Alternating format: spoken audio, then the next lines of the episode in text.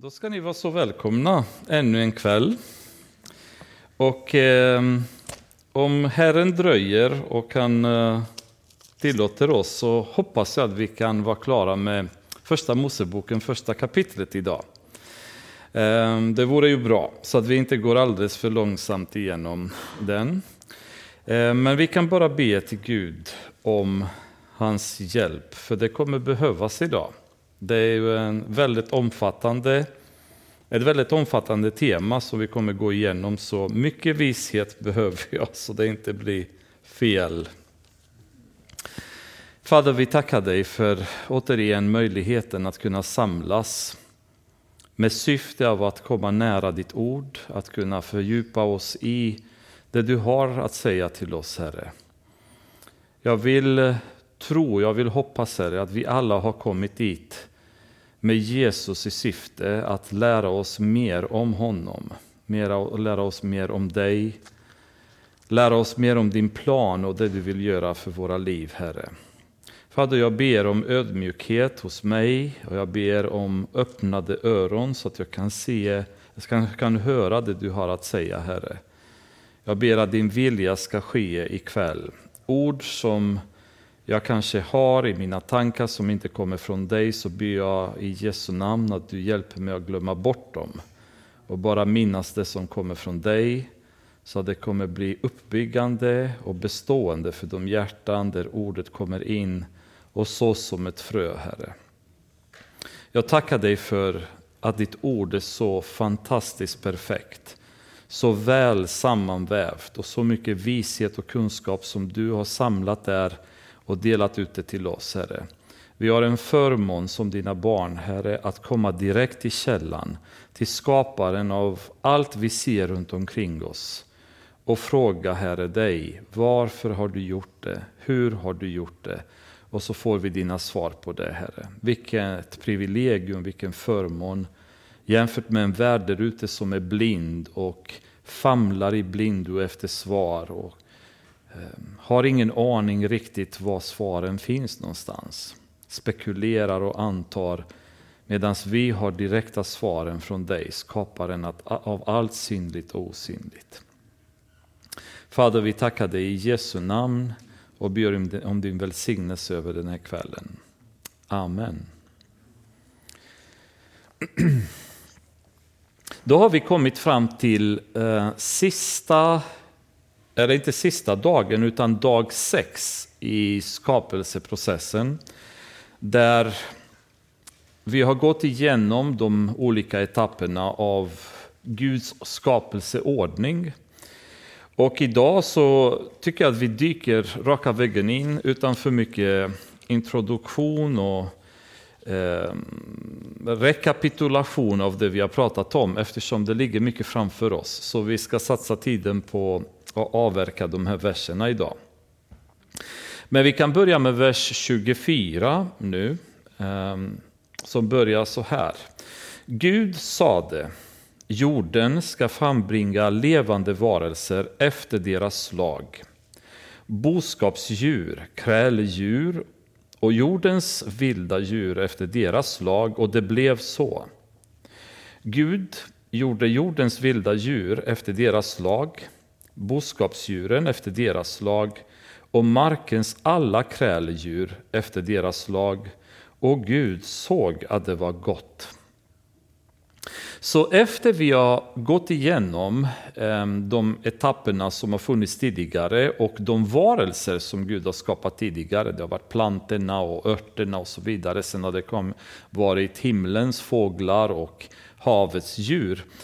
Idag så kommer vi fram till landdjuren då som Gud skapar.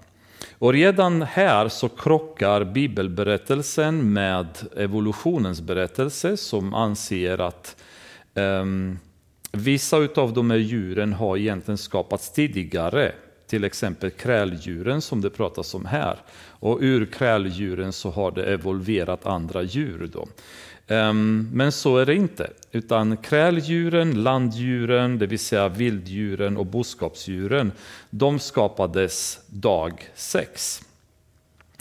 Um, det som är intressant här däremot är att Ehm, det står jorden ska frambringa levande varelser efter deras lag, boskapsdjur, kräldjur och så vidare. Och sen står det, vers 25, Gud gjorde jordens vilda djur, etc. Och då vill jag bara att vi stannar kort vid ordet gjorde, för att tidigare, kommer ni ihåg att vi pratade om vers 1 bland annat, i begynnelsen skapade Gud himlen och jorden. Och vi kollade på det ordet som skapade Eh, betyder på hebreiska och det var bara som betyder skapa någonting ur ingenting. Idag däremot i vers 25 när det står att Gud gjorde eh, jordens vilda djur. Eh, ordet som används för gjorde här är asa som betyder skapa någonting ur någonting. Så det är ett annat ord då. Och anledningen till det, det är ju början på vers 24. Jorden ska frambringa levande varelser. Jorden ska frambringa levande varelser. Så denna gång skapas djuren ur jorden på samma sätt som vi kommer se senare. Människan blir skapad. Eh, dock, när vi kommer till människan, då kommer vi möta något väldigt häftigt när Gud skapar människan i vilka ord som används där. Men i det här fallet så använder man ordet asach som betyder skapa från någonting. Så ett annat ord jämfört med bara i vers 1 där någonting skapades ur ingenting. Och här så möter vi alla slags djur som skapas också samtidigt. Vilda djur, boskapsdjur, kräldjur samtidigt. De skapas inte efter varandra och de skapas inte med miljontals år emellan, utan alla de här djuren som går på land skapas samtidigt. Alla efter deras slag, igen kommer det här ordet. Så det är inte djur som evolverar från en art till en annan art, utan de skapas artvis efter deras slag. Dessutom så vi lär oss i skolan många gånger att människan levde väldigt primitivt, fattade ingenting i princip. Och så småningom så har människan hittat några djur och då har han försökt att tämja de där djuren och på så vis har han fått boskapsdjur, det vill säga kor och får och så vidare. Medan här så står det att Herren från början skapade boskapsdjur, vilda djur och kräldjur. Så redan från början i Guds skapelseprocess så hade han skapat djur som människan ska ha som sina egna djur och sköta dem medan andra djur var vilda och sen hade vi kräldjuren. Vilket återigen motsäger evolutionens eh, teorier om att människan har själv genom tusentals år av experimentera lärt sig att tämja djur. Det betyder inte att vi inte är kapabla att tämja ett djur idag. Ta en elefant i Indien kanske som de använder det till att släpa ehm, eh, virke till exempel och så vidare. Men i grunden, och vi pratade om boskapsdjur som finns, kor, får, getter och så vidare. Det är ju sådana som Gud från början har ämnat att vara boskapsdjur. Vilka de nu var på den tiden, det vet vi inte, men vi har ett antal idag. En annan grej som är väldigt intressant här, det är problemet med evolutionen. Jag vet inte om jag nämnde det tidigare, men det, vi kan nämna det jättemånga gånger, för det är viktigt att vi, vi tänker på det. Det är att döda djur kan inte evolvera. De kan inte utvecklas. Ett djur som har dött är dött. Så för att ett djur ska kunna evolvera så måste det där djuret leva. Men för att ett djur ska leva så måste allting i djurens, djurets organism fungera perfekt sammankopplat till varandra för att djuret ska fungera överhuvudtaget. Om en kameleont har en tunga som är lika kort som en människa eller som ett annat djur kommer aldrig kameleonten kunna äta insekter. För att kameleonten ska äta insekterna så måste kameleonten ha en lång tunga som kan skjuta fram, fånga insekten och dra den in i munnen. Så kameleonten kan inte ha börjat någonstans med en liten tunga och sen efter miljontals år av försök att käka insekter och misslyckande så har han lyckats att sträcka ut sin tunga i multipla övningar tills tungan har blivit tillräckligt lång och tillräckligt klibbig för att han ska kunna fånga insekterna med den. Därför att han hade svultit ihjäl. Han kunde inte utvecklat en tunga under två miljoner år därför att efter ett antal dagar då hade jag inte haft någon mat och dött. Om man inte hade haft den, den tungan från början för att fungera, att kunna fånga insekter med. Um, ännu mer intressant en berättelse eller en förklaring som jag hörde om giraffen. för att giraffen um, ska kunna förse sin hjärna med blod så har giraffen ett hjärta som är nästan en meter stor, stort som har ett antal olika klaffar som fungerar annorlunda än människans klaffar för att kunna pumpa blodet med väldigt högt tryck och nå hela vägen upp till hjärnan genom den långa halsen då när giraffen står upprätt. Om vi skulle ha samma blodtryck i vårt hjärta så skulle vi i princip dö av att hjärtat pumpar så, hö så högt. Problemet, man kan säga att ja, det kanske blev så här, giraffen så småningom lyfte halsen lite för varje år som gick och plötsligt hjärtat utvecklades som större och större och så pumpade blod äntligen hela vägen. Då. Men hur förklarar vi då att när giraffen ska böja sig och dricka vatten om blodet pumpar med lika stor kraft så får giraffen en hjärnemboli och dör.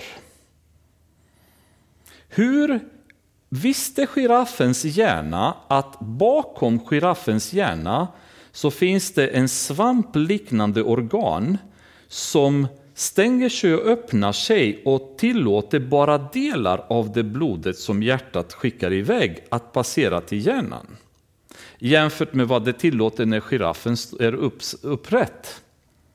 För att den här organismen ska utvecklas under miljontals år, då måste några miljoner giraffer ha dött på vägen i försök att utveckla en svampliknande hjärna som ska klara av det där blodtrycket.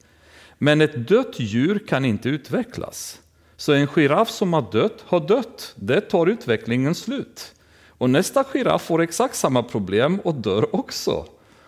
Så hela poängen med evolution blir väldigt märklig därför att du måste få hela organsystemet att fungera i samband med varandra. Hjärtat, hjärnan, vävnaderna, kärlens tjocklek, deras elasticitet för att trycka blodet fram och tillbaka, Eh, venerna versus artärerna till exempel, olika typer av bakterier som är goda, andra som är problematiska och så vidare, men som uppfyller olika funktioner beroende på var i kroppen de har placerats. För tar man en bakterie ur magen och sätter den någon annanstans, då kan vi dö. Det vet vi. Infektioner, om vi inte har tvättat händerna efter vi har gått på toa så kan vi åka på rejäla infektioner. Så om saker hamnar fel så kan vi dö, eller bli väldigt sjuka åtminstone. Så evolutionen har väldigt stora problem att förklara hur, hur, hur det har funkat överhuvudtaget. För att vi vet att det, det, krävs allt det här för att organismerna ska fungera. Däremot, när vi förstår att Gud har skapat allt från början och allting var skapat fungerande. Olika typer av djur som kom från början och de fungerade redan från början.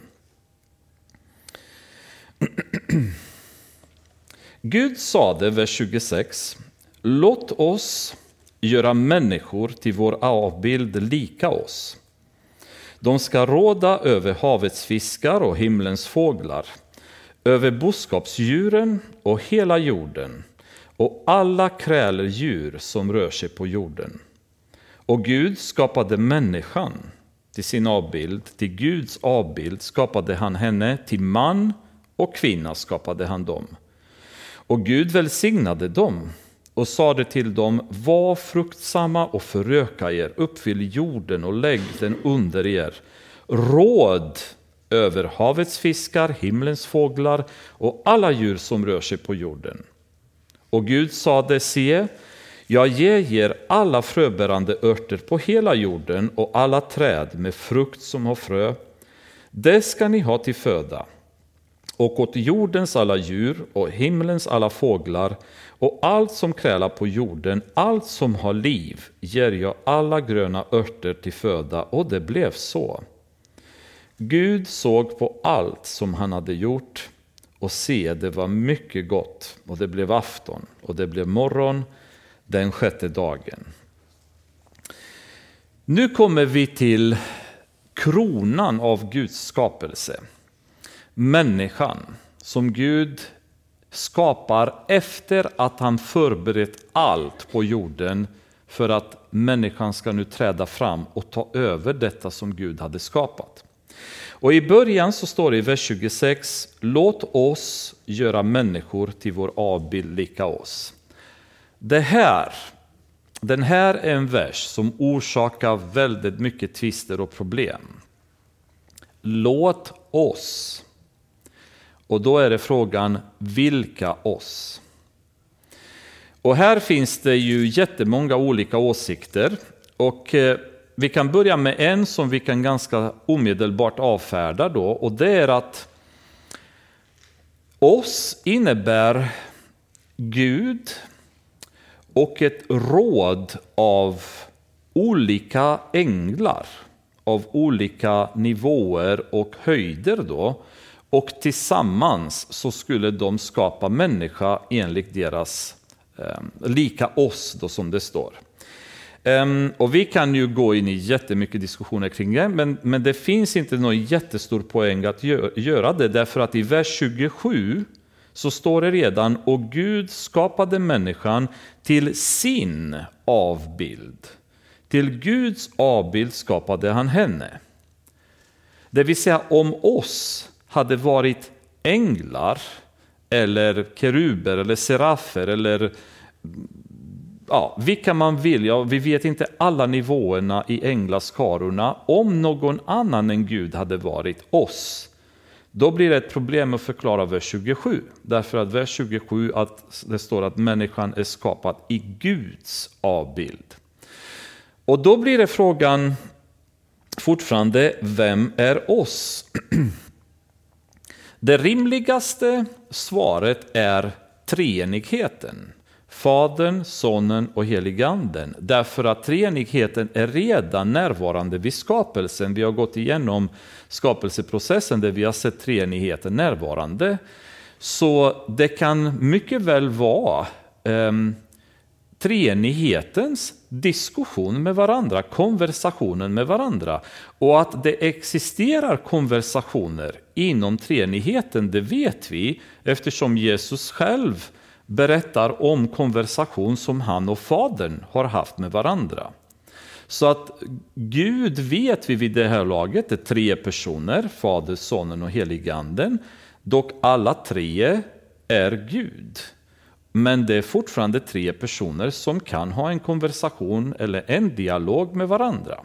Och det är absolut rimligaste, eftersom människan sen kommer bli skapad i Guds egen avbild, därmed oss måste vara treenighetens personer.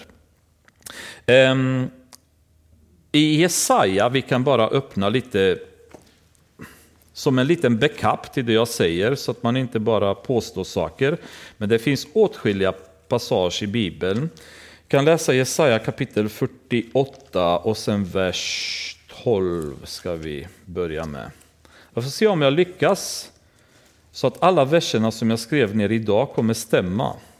Varje, gå, varje gång så skriver jag någon vers som inte stämmer, bara för att hålla er på tårna. Men eh, vi börjar 48 och sen vers 12. Hör på mig Jakob, du Israel som jag har kallat. Jag är, jag är den förste, jag är också den siste. Min hand har lagt jordens grund, min högra hand har spänt ut himlen. Jag kallade på dem, då stod de där. Samla er, ni alla, och hör vem av de andra har förutsagt detta, att mannen som Herren älskar ska utföra hans vilja mot Babel och vara hans arm mot kaldéerna. Jag, jag har talat det, jag har också kallat honom, jag har fört honom fram och han ska ha framgång på sin väg. Kom till mig och hör detta. Från första stund har jag talat helt öppet. När tiden kom att det skulle ske, då var jag där och nu har Herren Gud sänt mig och sin ande. Det är en svår text där den ena personen i treenigheten börjar prata och sen avslutar och nu har Herren Gud sänt mig. Vem är mig? Troligen sonen och sin ande, heliganden. Så det är väldigt intressant hur Gud talar, men rätt vad det är så är det sonen som talar och sen börjar fadern tala i början, sen tar sonen över. Och det finns flera sådana tillfällen i Bibeln som är oftast väldigt förvirrande för oss om vi tänker mänskligt. Men om vi tänker Gud, Gud är ett, så så det är alltid Gud som talar, oavsett vem som talar. Om det är Fadern, eller Sonen eller helige Anden, så är det alltid Gud som talar. I psalm 110, vers 1, är också en eh, klassiker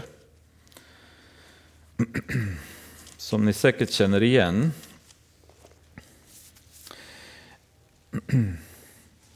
Herren sade till min Herre, Sätt dig på min högra sida tills jag lagt dina fiender som en pall under dina fötter. Och vi behöver inte gå vidare så långt för att ta reda på vem som pratar om vem, därför att den här versen citeras sen utav Petrus i Nya Testamentet i hans pinspredika i Apostlagärningar kapitel 2, där han talar om att Gud talar om Messias när han pratar i de här verserna. Så det, det, det, finns ju jättemånga verser där vi kan plocka fram en sån här äh, referens där treenigheten talar om varandra. Då. Äh, vi vet att helige anden alltid talar om Jesus. Han försöker att upp... Ähm, um, vet det, um, nu glömmer jag svenska ordet igen. Uppenbara Jesus för oss. I allting heliga anden gör så pekar han hela tiden oss till Jesus. Det, det är ju Jesus som heliga anden talar om till oss.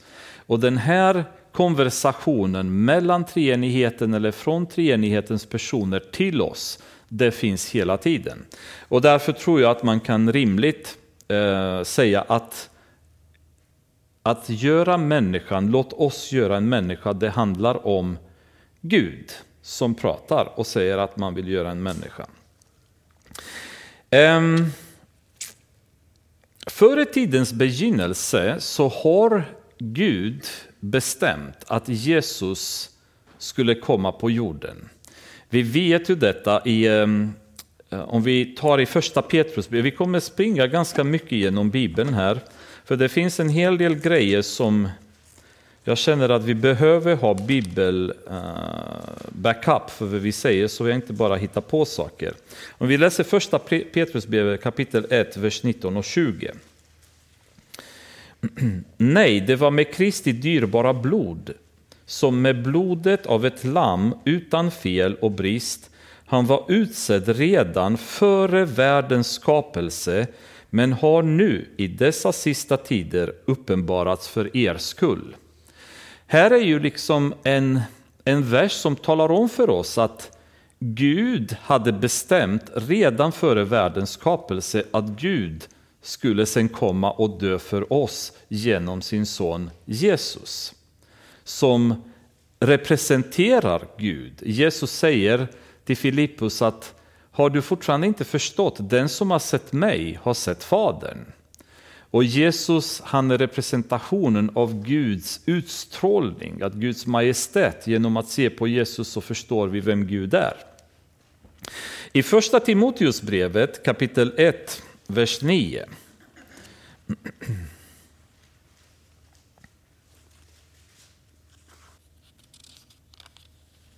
Mm. Kan det vara det här är den versen som jag letade efter som inte stämmer?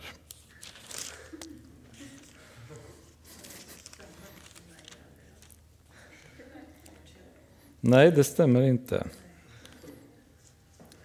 Däremot andra Timoteusbrevet kapitel 1, vers 9. Den kommer ni gilla i sammanhanget. Han har frälst oss och kallat oss med en helig kallelse, inte på grund av våra gärningar, utan genom sitt beslut och sin nåd, som han har gett oss i Kristus Jesus från evighet. Så innan allting var skapat så har Guds råd, samlade råd, bestämt att Jesus skulle förvandlas till en människa, kommer att komma på jorden, kommer att dö för mänskligheten och en utvald skara människor kommer få bli frälsta och bli Guds barn. Det här är en, en plan som Gud har gjort långt före att jorden ens har skapats. Det här rådet har redan funnits där tillsammans och bestämt detta.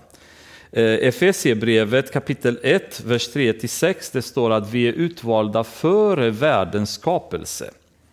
Eh, och det, det intressanta här är att vi ser nästa råd som tar plats nu, där återigen Gud säger låt oss nu göra en människa som ska efterlikna oss. Och det är ju en, en samlad, ett samlat beslut av att skapa en människa som ska efterlikna Gud. Ehm, det man skapar nu är den mest komplexa varelsen bland allt annat som Gud hade skapat. För utöver de funktioner som djur har i sina kroppar så får människan mycket, mycket mer. Utöver en kropp som är byggt att det ska fungera på väldigt många olika sätt jämfört med väldigt många djurs, så har människan fått ett mycket högre förstånd, möjlighet till språk som djuren inte besitter på samma sätt, en intelligens som gör att människan är utvecklingsbar, det vill säga hela tiden kan bli bättre, kan lära sig nya saker, har ett abstrakt tänkande, har ett moraliskt tänkande, ett samvete som fungerar så att säga som ett rättesnöre för människan utifrån vad Gud har lagt i människan från början. Så människan får funktioner och egenskaper som ingen annan varelse som Gud har gjort får. Så det här är kronan på Guds verk som Gud gör det sista efter han har skapat alla andra djuren. Då. Ehm, det intressanta är att när man läser första Moseboken 1.24 och 2.7 så ser vi att både djuren och människan får ett, en livsande i sig. Eh, men det finns ju strukturella skillnader mellan människan och de, de andra varelserna trots allt. Därför att människan är den enda som är skapad enligt Guds avbild. Och här kommer det intressanta, för i vers 26 så säger Gud Låt oss göra människor till vår avbild. Och ordet göra här är asach. Samma som när Gud skapade djuren. Samma ord, det vill säga att skapa människan ur någonting. Men vers 27 säger, och Gud skapade människan till sin avbild. Och skapade där är bara på hebreiska och inte asach, vilket betyder skapa någonting ur ingenting. Här har Gud lagt något i människan som han inte har lagt i djuren. Människan får något helt annat från Gud jämfört med djuren.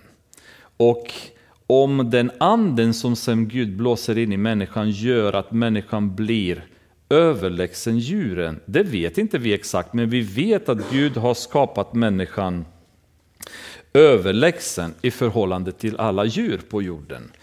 Och människan är också, eller verkar också ha skapats som en treenighet. Om vi läser i första Thessalonikerbrevet kapitel 5, vers 23. Det kan ge en än mer indikation på vilket sätt människan blir lik Gud. Det är det vi kommer titta lite närmare på.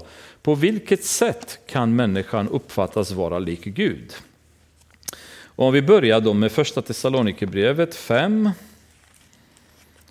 och sen vers 23.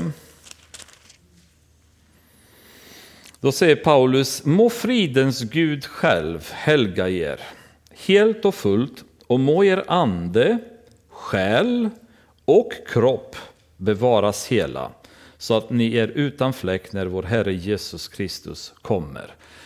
Ehm, er ande, själ och kropp. När Jesus pratar om hur vi ska älska Gud i Matteus kapitel 22, vers 37, då säger han att vi ska göra det av hela vårt hjärta, hela vår själ och hela vårt förstånd. Så tre olika delar av oss som människan som ska älska Gud. Men här blir det intressanta. Vad är anden och vad är själen?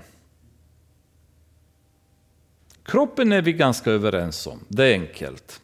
Men vad är själen och vad är anden? Om ni går till någon där ute och så frågar ni en person vad är skillnaden mellan din ande och din själ? De kommer titta på er så att ni kommer från en annan planet. Vilken ande? Själ, ja det har vi väl hört talas om. Men ande, vad är det egentligen? Vad är skillnaden i oss mellan ande och själ? Hur vet vi vad anden är och vad själen är hos oss? Och det finns ett väldigt bra sätt och det är anledningen till att bland annat ni är här ikväll. Hebreerbrevet kapitel 4, vers 12 talar om för oss hur vi kan få reda på vad anden är och vad själen är. Det är en vers som ni säkert har hört förut, men jag är inte säker att ni har tänkt, tänkt på det på det här sättet. Kapitel 4, vers 12 står det så här. Guds ord är levande och verksamt. Det är skarpare än något tveeggat svärd och, hör här, genomtränger tills det skiljer själ och ande, led och märg och dömer över hjärtats uppsåt och tankar. Utan Guds ord i våra liv kan vi inte skilja mellan ande och själ. När Guds ord kommer i våra liv, då väcks, väcks vår ande till liv. Ni kommer ihåg den klassiska versen, ni var, ni var döda, Romarbrevet. När Gud hämtade, hittade er så ni var döda i era synder. De var inte döda, de levde, men deras ande var död. Deras ande fungerade inte längre. Det som Gud en gång i tiden hade blåst in i människan hade dött sen när synden kom in i världen och var dött. Och när Jesus kommer in i våra liv så väcker han vår ande.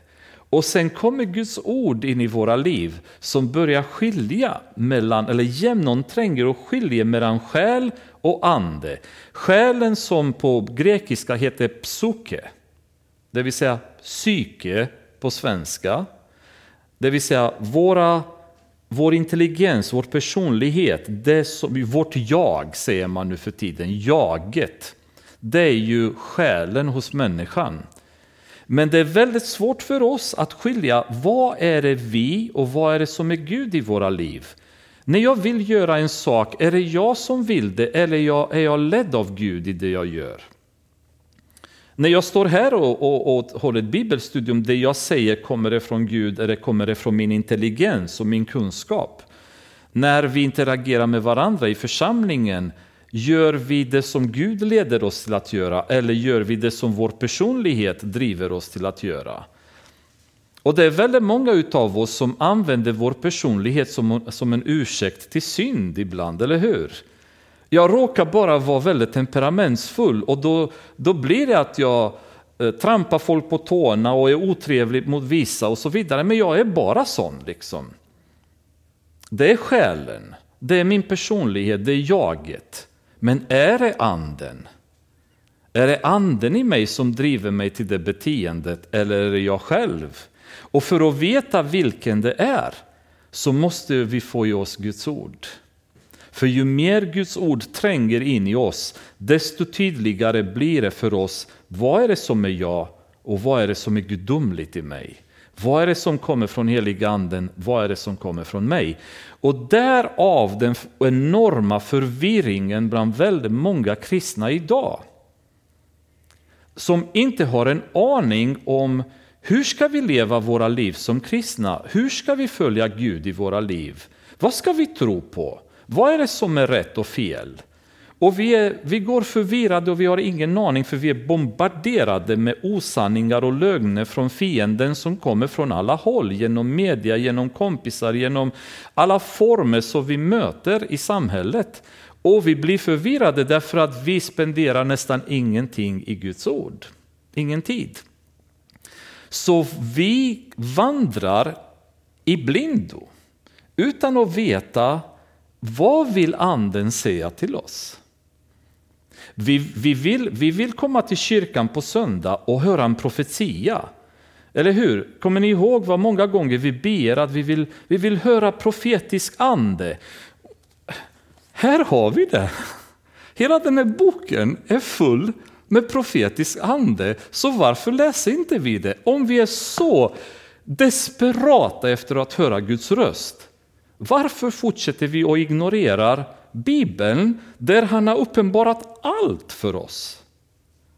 Är det bara att vi gillar showen som, kommer, som skapas i kyrkan när någon står upp och säger så säger Herren? Är det bara det budskapet vi är intresserade av och ignorerar sen den här Bibeln? Där det är fullt med Guds uppenbarelse och den enda som säger att den skiljer mellan ande och själ, den enda som klarar av att definiera för oss vad som är rätt, vad som är fel, vad anden säger, vad vår själ säger, vad vår personlighet eller vad jaget säger.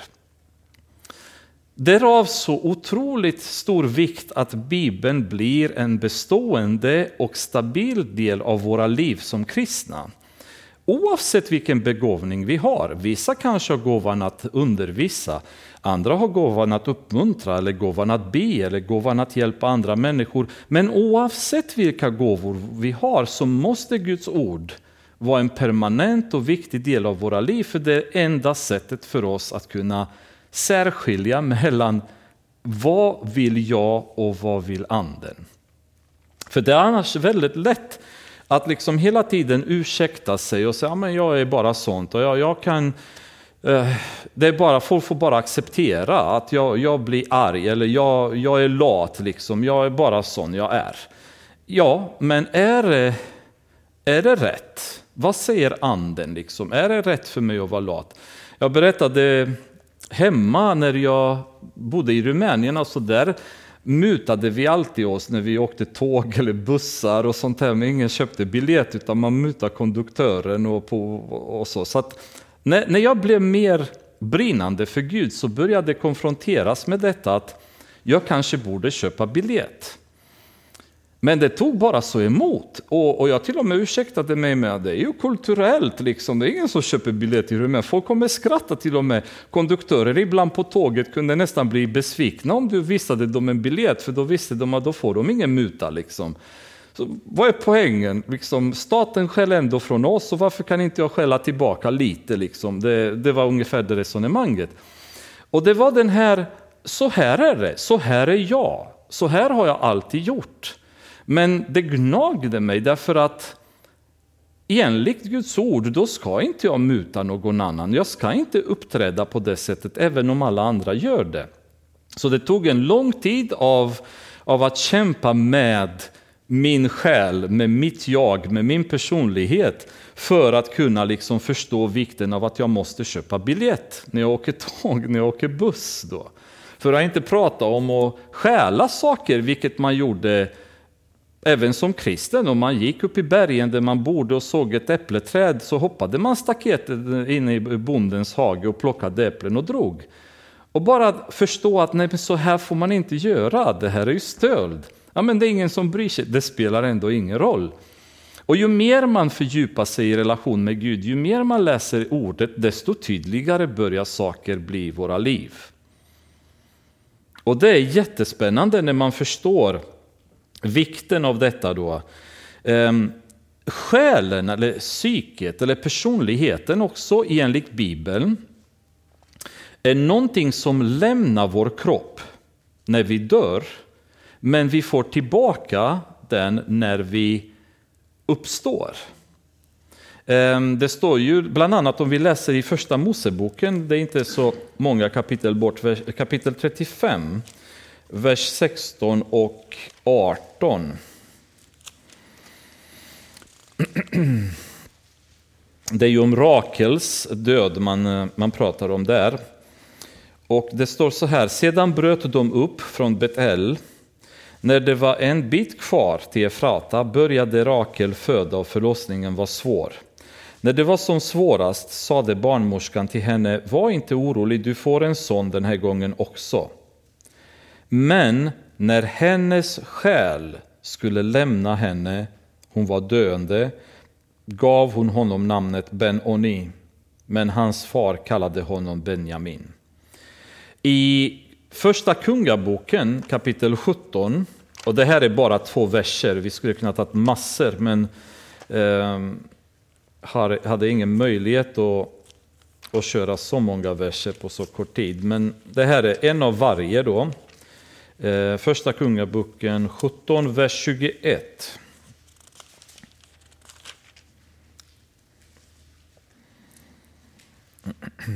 Det handlar om Elia. Eh, och eh, det var en eh, pojken som hade dött då. Och då står det, vers 21, därefter sträckte han sig ut över pojken tre gånger och ropade till Herren och sade, Herre min Gud, låt den här pojkens själ komma tillbaka in i honom. Och Herren lyssnar på honom och pojken kommer tillbaka till liv. Själen är det som lämnar vår kropp när vi dör. Men själen är immateriell. Själen är inte kött och blod.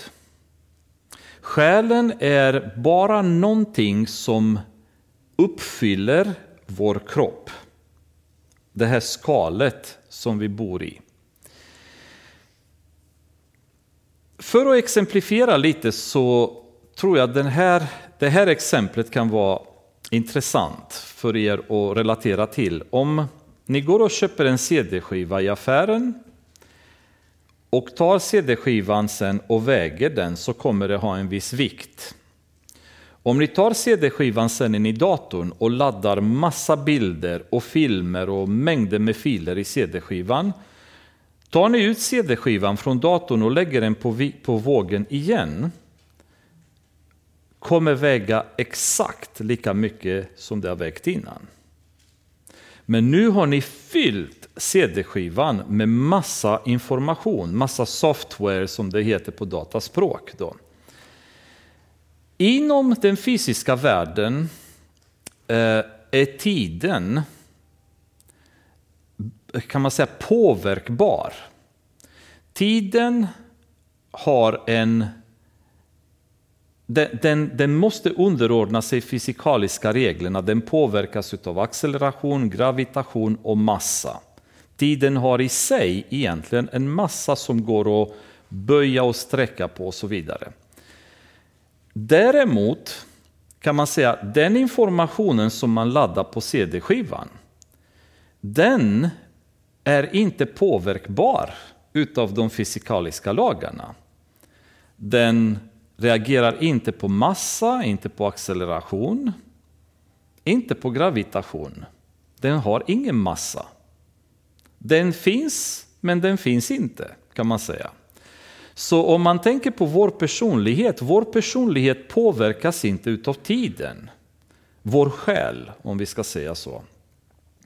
Därav är det så att egentligen det jag ser när jag tittar på er är er själ som för tillfället bor i det här skalet som är er kropp idag. Men när ni dör, det här skalet kommer försvinna, det kommer ruttna bort. Men själen flyttar till en annan kropp, en annan boning om ni känner igen ordet. Och där är ju, det är ju det som Bibeln pratar så mycket om, vikten av att förstå att vår själ kommer gå vidare. För vår själ tar inte livets slut när skalet har dött, utan själen flyttar vidare och kommer tillbaka in i skalet vid uppståndelsen. Och sen därefter så kommer vi leva vidare i ett annat skal i all evighet. Och vissa kommer leva i den sjö av eld där Satan och hans änglar kommer befinna sig som Gud har förberett för dem. Och andra kommer leva i evighet i himlen med Gud. Men alla själar kommer fortsätta att leva. Antingen i helvetet eller i himlen i ett annat skal. I andra Korintierbrevet, vi kan läsa från eh, kapitel 5. Och sen från första versen kan vi börja läsa. Vi vet att om våra jordiska tält rivs ner så har vi en byggnad från Gud, en evig boning i himlen som inte är gjord av människohand. Därför suckar vi i vårt tält och längtar att få iklä oss vår himmelska boning. För när vi väl är klädda i den ska vi inte stå där nakna, ja, vi som bor i detta tält suckar tungt. Vi vill ju inte bli avklädda utan påklädda så att det som är dödligt uppslukas av livet. Och det som, den som berett oss för just detta är Gud som har gett oss anden som en garant. Därför är vi alltid vid gott mod även om vi vet att vi är borta från Herren så länge vi är hemma i kroppen. Vi ska inte gå in på själva vandring eller själarnas sömn som en del säger, att när man dör så somnar själarna någonstans. Utan här står det tydligt att vi är antingen med Herren eller i kroppen. Vi är inte i någonstans mitt emellan där själarna är i någon, någon slags passiv eh, inexistens då, och de bara ligger där. Utan vi är antingen här eller med Herren, vi som är frälsta. Då.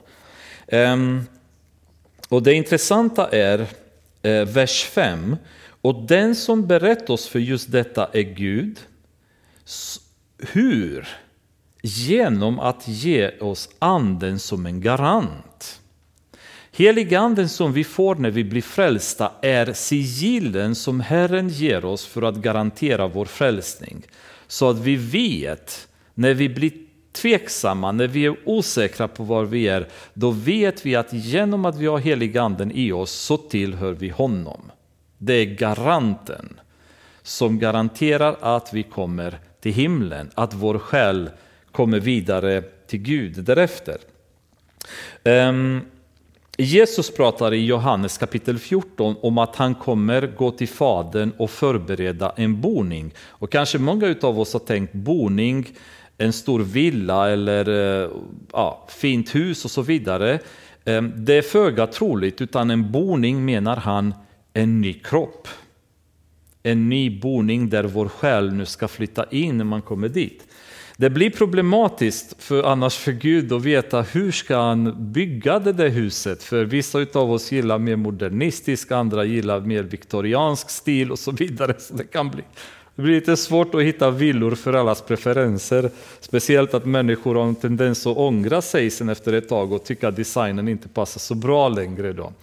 Eh, nej, men skämt åsido, det, när man tittar på sammanhanget så handlar det om en kropp. Vi kommer få nya kroppar som kommer vara på ett helt annat sätt byggda. I första Thessalonikerbrevet kapitel 4 Um, ehm, vi hoppar lite snabbt dit. Och så vers 13 och 18 kan vi läsa ifrån. Det står så här. Bröder, vi vill att ni ska veta hur det blir med dem som har insomnat så att ni inte sörjer som de andra, de som inte har något hopp. Eftersom vi tror att Jesus har dött och uppstått så ska Gud på samma sätt genom Jesus föra fram de insomnade tillsammans med honom. Vi säger detta enligt ett ord från Herren, vi som lever och är kvar till Herrens samkomst skall alls inte komma före de insomnade.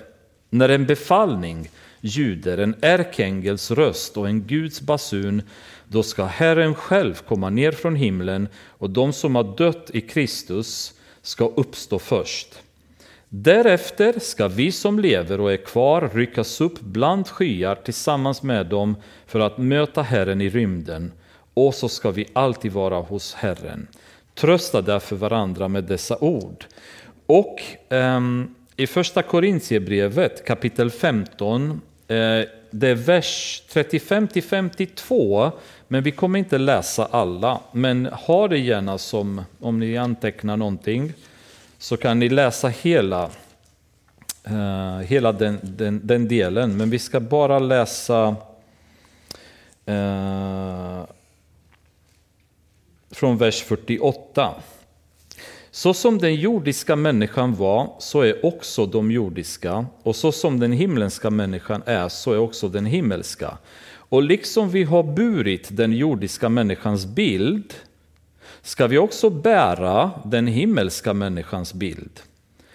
Men det säger jag bröder, kött och blod kan inte ärva Guds rike och det förgängliga kan inte ärva det oförgängliga. Se, jag säger en hemlighet. Vi ska inte alla insomna, men vi ska alla förvandlas i ett nu på ett ögonblick vid den sista basunens ljud. Basunen ska ljuda och de döda ska uppstå odödliga och vi ska förvandlas. Så vi ska få nya kroppar, våra själar kommer fortsätta att leva vidare men leva i en ny kropp, i en ny dimension. Så det vi har sett än så länge det är att Gud har skapat människan med en fantastisk kropp, en kombination av ande, kropp och själ. Men kan det vara också så att människan är lik Gud fysiskt?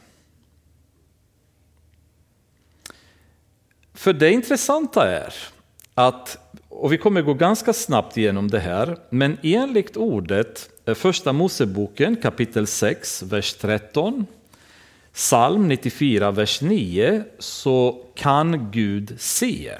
Och det, finns inte, det är inte de enda verserna, det finns många fler, men det är bara några.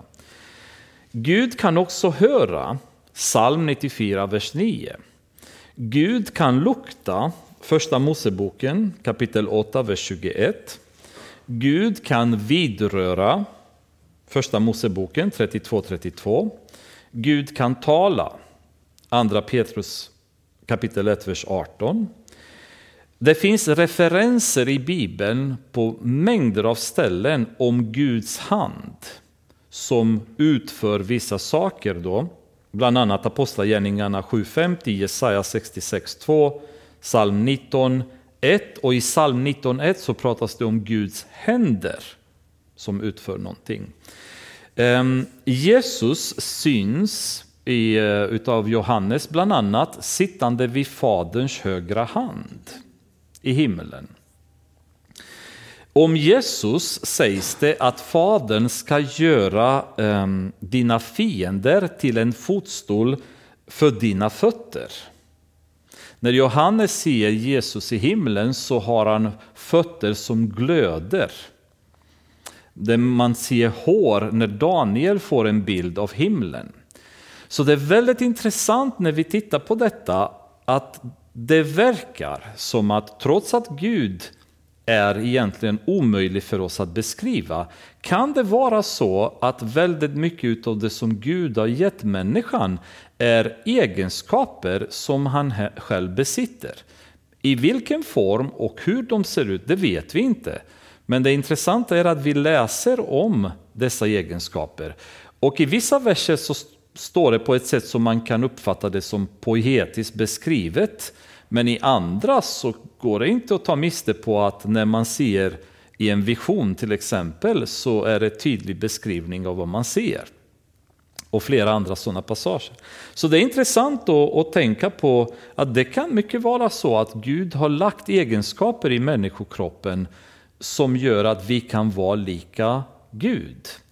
Um, här skulle jag också vilja dock säga att Jesus i sin tur beskrivs sen i Filipperbrevet att han har kommit till jorden i människogestalt. Att när han kom till jorden så tog han en människogestalt på sig. Och det är väldigt många som anser att i och med att Jesus ankomst var beslutet före världens begynnelse att Gud skapade människan på ett sådant sätt så att Jesus skulle sen kunna ta det gestaltet när han kom på jorden. Det är bara en spekulation, men det är intressant att tänka. Men i Kolosserbrevet kapitel 1, vers 15, det står att han är den osynlige Gudens avbild. Den osynlige Gudens avbild är Jesus, förstfödd före allt skapat. Så det är intressant att tänka på att det finns mycket mer kanske i oss av Gud som kan få oss att förstå värdet av det som Gud har skapat.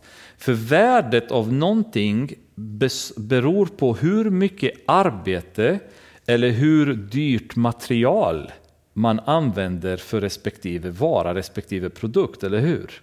Och när Gud har lagt så mycket av sig själv i människan, vi förstår varför vi har ett så högt värde och varför Satan är så målmedveten att på alla sätt möjliga förstöra människan. Det är som en nagel i ögat på honom om vem Gud är, om hans allsmäktighet, som han inte kan tolerera att se. Och därav är det märkliga när vi medvetet syndar, därför att det medvetet går och gör någonting som han som vill fördärva våra liv använder sig utav för att förgöra oss. Bara för att vi är så lika Gud. Och han fixar inte att se det. Så det ger oss en uppfattning om varför vi är så viktiga, varför Guds kärlek också är så stor för människan. Varför Gud lägger så mycket av sig själv och var beredd att betala det höga priset med att skicka Jesus och dö för mänskligheten. Därför att i mänskligheten är det så mycket utav honom. Och därför bultar hans hjärta så högt för människan. Och därför är hans driv och kärlek, och läser man Bibeln på flera områden, det står hur mycket han är beredd att göra för människan. Och, och vad, vad mycket han är beredd att ge för människan. Och det, det ger oss en uppfattning om varför. Varför vi är så viktiga för honom. För Gud har skapade människan, vers 27, till sin avbild. Till Guds avbild skapade han henne. Till man och kvinna skapade han dem. Till man och man kanske skulle man ha sagt i dagens samhälle. Från början så har Gud sett mänskligheten som en förening mellan man och kvinna. Allt annat utöver detta kommer från Satan och inte från Gud. Och vi skulle kunna gå in i detalj, alltifrån Romarbrevet 1 till mycket längre Sodom och liknande, om varför Gud är så emot Ehm, alla sexuell, sexuella avart, avartiga relationer som inte är mellan en man och en kvinna. Till och med när Guds söner sen i kapitel 6 som vi kommer att komma till para sig med, med människornas döttrar, det är ingenting som Gud accepterar eller gillar. Det, det fick inte förekomma. Det var liksom en, en förfallen del av mänskligheten då som uppstod där. För från början så var det menat att det ska vara en man och en kvinna som tillsammans skulle vara fruktsamma och fylla hela jorden. Gud välsignade dem och sade till dem, var fruktsamma. Och tänk på ordet Gud välsignade dem. Alltså att få en välsignelse från Gud är ju oerhört stort för en människa. Och Gud la en välsignelse på mannen och kvinnan och uppmanade dem till att vara fruktsamma, föröka sig och uppfylla jorden och lägga jorden under dem. Att råda över havets, havets fiskar, himlens fåglar, alla djur som rör sig på jorden. Jag ger er alla fröbärande örter på hela jorden, alla träd med frukt som har frö, det ska ni ha till föda. Åt alla jordens alla djur, åt himlens alla fåglar, allt som krälar på jorden, allt som har liv, ger jag alla gröna örter till föda, och det blev så. Så människan fick auktoritet, fick jorden att eh, regera över, helt enkelt och regera över djur, över planter, överallt. Så hela den här moderna teorin att djuren har lika mycket värde som människorna, det må låta fint i några öron som inte har läst Bibeln. Men redan i första Moseboken så står det att människan är över alla dessa djur, vare sig det är fåglar, kräldjur, eh, landdjur, havsdjur, ört, vad som helst. Människan råder över. Människan är högre än alla andra. Människan är den enda som är skapad enligt Guds avbild. Därav kan aldrig människan jämföras med ett djur. Att en grävling har mycket rättigheter som en människa är inte bibliskt. Liksom. Utan människan är på en helt annan nivå jämfört med alla andra djuren. Djuren tjänar människan, människan råder över djuren och i grunden gör vad man vill med dem därför att han råder över, över jorden. Ehm, jag skulle vilja bara stanna lite grann kring en teori som har dykt upp och det är ju att eftersom Gud skapade människan till sin avbild så är det en del kristna numera som predikar om att vi människor är egentligen gudar. Därför att Gud har skapat oss efter hans avbild, därmed så måste vi också vara gudar.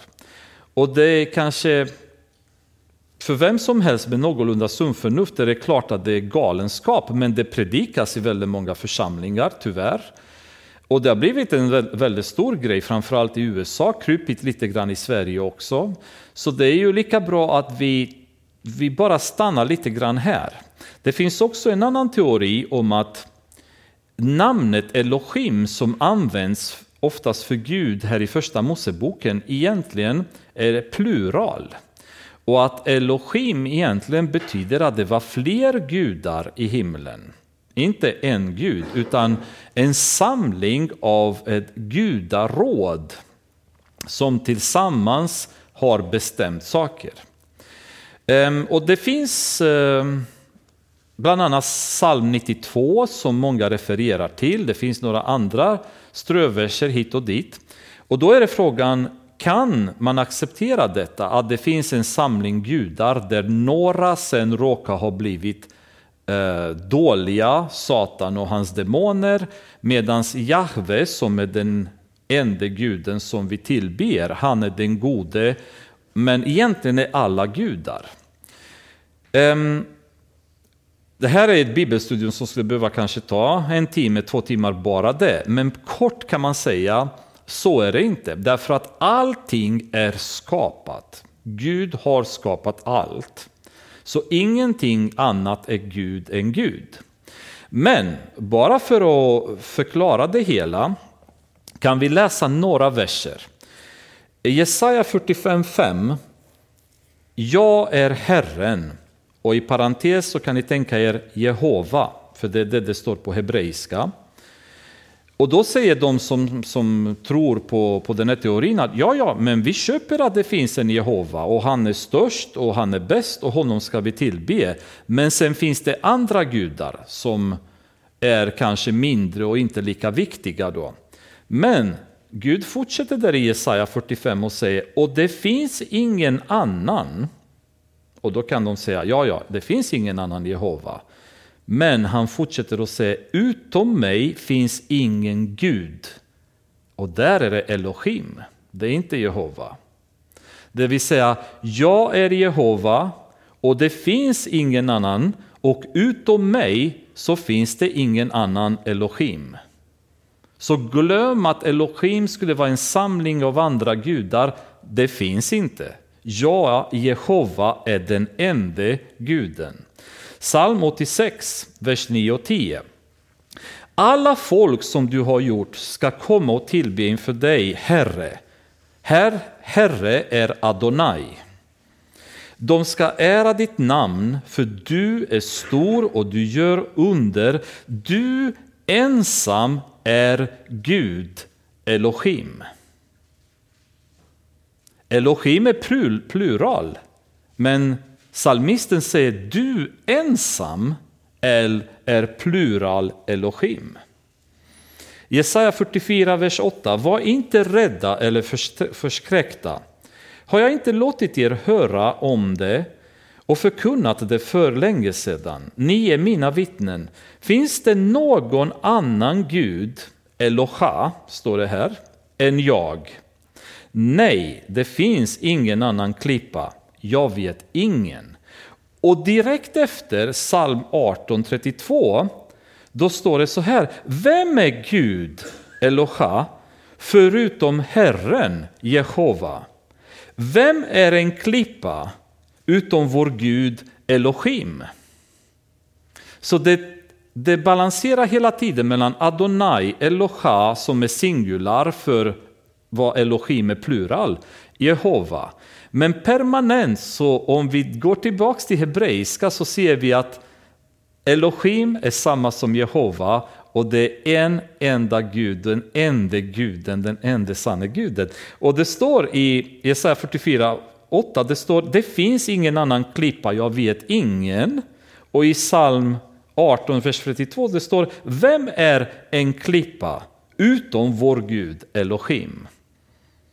Det är så tydligt, men det, det, om man plockar verserna ur sammanhang då kan man bygga sådana här konstiga teorier. Då. Och den mäktigaste kanske versen av dem alla, och den som inte förstår den här versen, då vill man inte förstå det. Jesaja 45, vers 18 säger så här. För så säger Herren Jehova, han som har skapat himlen, han som är Gud, Elohim som har för, format jorden och, så, och gjort den och berett den. Som inte har skapat den för att vara öde utan format den till att vara bebodd. Jag är Herren Jehova, det finns ingen annan. Så Elohim som har skapat himmel och jord är Jehova och det finns ingen annan. Så alla spekulationer att Elohim egentligen skulle betyda att det finns andra gudar som har en lägre rank än vad Gud egentligen har och som har råkat sen bli bad guys och skapa eh, demoner och så vidare. Det kan vi glömma. Däremot så kan vi prata sen om Satan och hans änglar och så vidare när vi kommer lite eh, senare och vilka de är och hur de har blivit så. Men Fall, ni får vara försiktiga och inte falla i den här fällan att tro att vi människor är gudar, för det finns ingen annan gud än Gud. Det finns inga smågudar och jag menar, det här är stora församlingar i USA som undervisar detta. Massor med församlingar som undervisar att vi är gudar, därför att vi är skapta eh, efter Guds avbild. Och det finns inga andra gudar än vår Herre Gud, Jehova. Sen att han heter Adonai ibland och Elohim andra gånger, fullt möjligt, men det finns bara en Gud. Och i sista versen så står det Gud såg på allt som han hade gjort och se det var mycket gott. Och det blev afton och det blev morgon den sjätte dagen. Och det här är första gången när Gud inte bara säger att det var gott, utan nu var det mycket gott. När människan kom på jorden så blev det mycket gott. Och det är så underbart återigen att förstå den här skapelseprocessen. När salmisten pratar att vi är så underbart skapta, då förstår man lite mer, eller hur, efter ikväll, varför han menade. Vad underbart allting är skapat utav Gud. Men desto mer kanske bör det här vara en påminnelse för oss också varför det är ändå så viktigt att vi söker oss till honom hela tiden. För vi är skapade från, utav honom i sin avbild och utanför det så har vi ingen meningsfullhet i vår tillvaro, ingen meningsfullhet i, i det vi gör, i det vi kämpar för. Utan det tillsammans med honom, i den gemenskapen som man tänkte att vi skulle haft från början, det är då vi finner mening i allting vi gör. För det är då vi går tillbaka till meningen i hans skapelse. Jag hoppas att ni eh, inte förirrade er i fakta och lite halvfilosofiska beskrivningar kring hur jaget fungerar och så vidare. Men eh, jag hoppas att det fastnar lite grann så att ni får en uppfattning om varför vi är så speciella, hur vi fungerar när det gäller ande, kropp och själ och vår relation med Gud. Så eh, nästa söndag och söndag därpå så kommer inte jag kunna ha något bibelstudium, för då är vi bortresta. Men jag hoppas innerligt att någon annan tar det. Om inte så blir det ett par veckor utan bibelstudium så ses vi sen om Herren dröjer. Som det ser ut just nu så kan det vara så att vi packar och åker hem vilken dag som helst. Men eh, är det så att vi är kvar så ses vi då. Fader, vi tackar dig för ikväll och ber om din välsignelse över veckan som ska komma. Guida våra steg, led våra tankar, styra våra ord, Herre, så att vi i allt vi säger, tänker och gör följer din ande, följer din ledning, följer ditt ord, Herre. Jag tackar dig för den underbara uppenbarelse som din skapelse innebär för oss. Låt oss få kunna Fortsätt att fördjupa oss i det, Herre. Förstå mer av din tanke, mer av vad du menar i vår relation med dig, Herre. Och framförallt låt oss göra det enkelt, stänga våra dörrar ibland, gå i vårt rum, böja våra knän och bara söka den här underbara gemenskapen med dig. När vi känner att du börjar tala till oss, verka i våra liv, ge oss styrka, ge oss mening, Herre. Förminska våra problem. Öppna våra ögon för din vilja, Herre. Och i Jesu underbara namn ber vi. Amen.